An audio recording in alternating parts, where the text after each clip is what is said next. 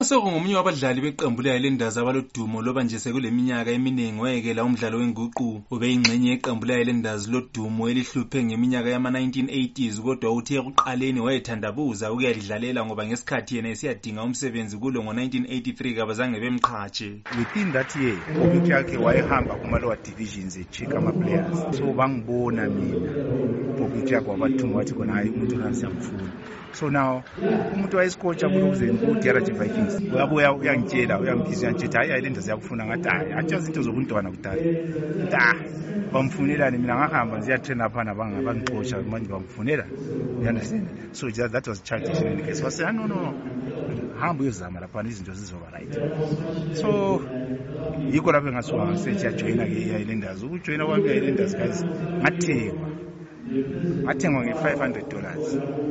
by then it was a lot of money 10 percent iyeyana nge-50 dollars iye ngayiphiwana umaseko uthengwe liqembu le-islanders idlala phambili kodwa kuthe ngemva kokulimala kukadouglas british mloyi wadlala emuva ubeyimvimbi yeqembu le-islanders ethenjiweyo kwaze kwafika umnyaka ka-1989 lapho asuke wadlalela iqembu le-darren t esibhodlweni iharare abalandeli beqembu kabazange bakuthakazelele ukusuka kwakhe bamthuka besithi udonswa ngamakhala ngunkosikazi wakhe kwaba lesikhathi lapho engasuka khona sengumuntu etshanini just to spread wings mntahamba abandebele babesithi khona ye yabona itshona lelana selithatha umaseko manje sesesibulalela ithimba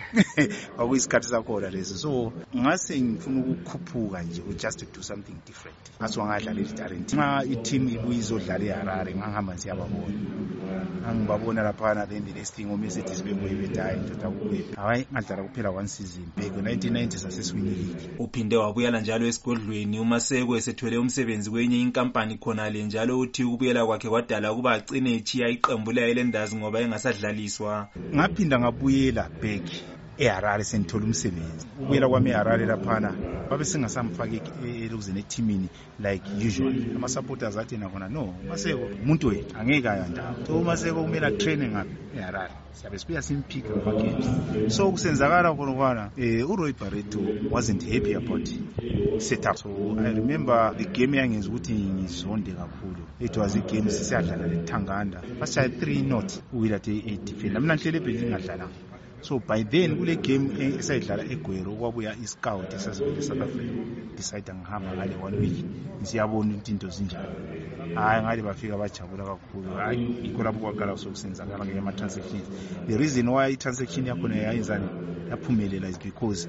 nami ngase ngasadlala ama-games according to indlela engangiyifuna umaseko uhambe kwele south africa wadlalela iqembu lemamelodi sundowns kwaze kwafika u-1996 lapho wathatha impentsheni ngemva kokulimala idolo esuka lapho waba ngumqondisi wenkampani eyenza okwamakhalekhukhwini kulezi nsuku uphatheke kunhlelo zokuphathisa abadlali bakwelezimbabwe abasadlala lasebatshiya umdlalo wenguqu kwele south africa ngiyimele istudio 7 kobulawayo ngingujoseph njanjini